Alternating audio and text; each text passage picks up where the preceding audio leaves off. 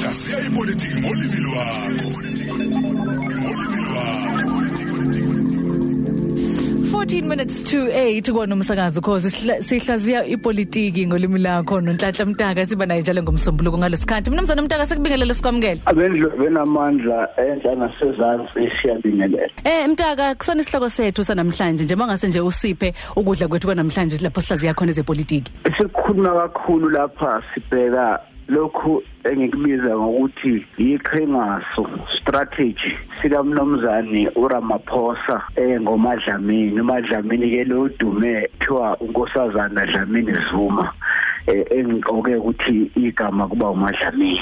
Eh lo mholi ngokubuka kwami uRamaphosa unombono noma uneqhingaso elijulile kepha ngikusho ngisaqala ukuthi leli qhingaso lizoncika ukuthi kwenzakalani kusuka namhlanje kuze kube ukhetho oluzayo likazwelonke ngoba izinto zingaguquguquka. Kodwa iqhingasu engicabanga ukuthi ulenzile lokwazi ukulungisa udaba lesekela mongameli la wakhe ngoba akuyona imfihlo ukuthi kwangena afisa ukuthi bambisane naye umnumzana uMabuza wayekhethe unkosazi unkosikazi usisulu unkosazana usisulu ukuthi abe yisekela lakhe. Nakhona emkhethe ngoba ayemfuna ekwakunkosikazi uPhando engatholakalanga ngoba ama inhlaka ze-ANC azimzusisanga kahle. Wayesethola ke umabuza. Umabuza ke uyinkinga kuye ngoba njengoba ngishilo wayengamthandi okwesibili imiqondo yabo ayihambisani eh uma kubuya kwezepolitiki. Ubeke sekuphambuka neqhingaso uRamaphosa ngokubona kwami lokuthi akafake umadlamini esikhundleni sokuthi aphathe uhulumeni ngoba iqiniso lithi uhulumeni waseningizimu Afrika uphethe uRamaphosa nomadlamini. uRamaphosa njengomengameli ngoba umthetho sisekelo uthi isekela mengameli lisebenza umsebenzi uma engekho mengameli into engasho lutho ke leyo kodwa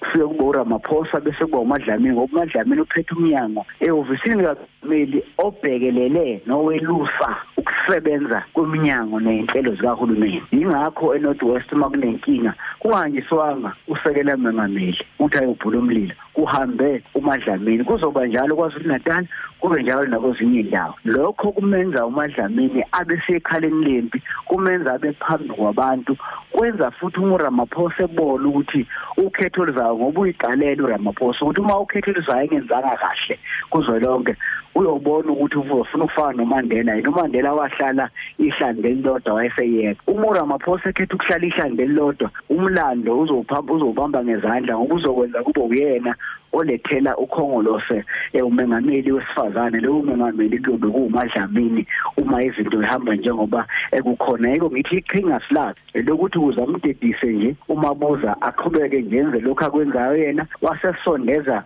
umadlamini ukuze abe nomuntu amthembayo. Ngoba iqiniso lithi umadlamini wayethenjwa uRamaphosa wayemfisa ukuthi abe khona ngoba uzokhumbula ukuthi umadlamini wayekhona nawe icabinet likaThabo Mbeki kepha okwenzekile umadlamini eh ujeziselwe isibongo ayelapho ayeshadele khona.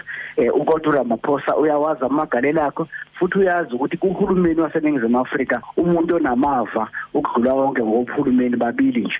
Umadlamini kanye nomnumzana uJeff Hadebe ngenxa yokuthi sekuyibona sebehlale isikhathi eside ekhulumeni. Yikho ke ngithi abantu abaqaphele iqhingaso likaRamaphosa. uRamaphosa njengoba izwe ngokomthetho linosekela mengameli kumabuza uRamaphosa unesekela lakhe ayiqokele yena okumadlamini afisayo ukuthi agqame afisayo ukuthi iningizimu Afrika ibone ukusebenza kwakhe ngale ukuthi isibongo sakhe wake waba ngwakwaZuma into leyo kufuneka amalungu kakhongolose ayibheke iningizimu Afrika ibheke. Kodwa njengoba ngishilo dadewethu inkinga ekhona ukuthi ipolitiki izinto ziyaguquka kodwa ngikhuluma ngesimo esikhona manje. Usiphethe uRamaphosa basiphethe nomadlamini ngokuhlela kwakhe uRamaphosa.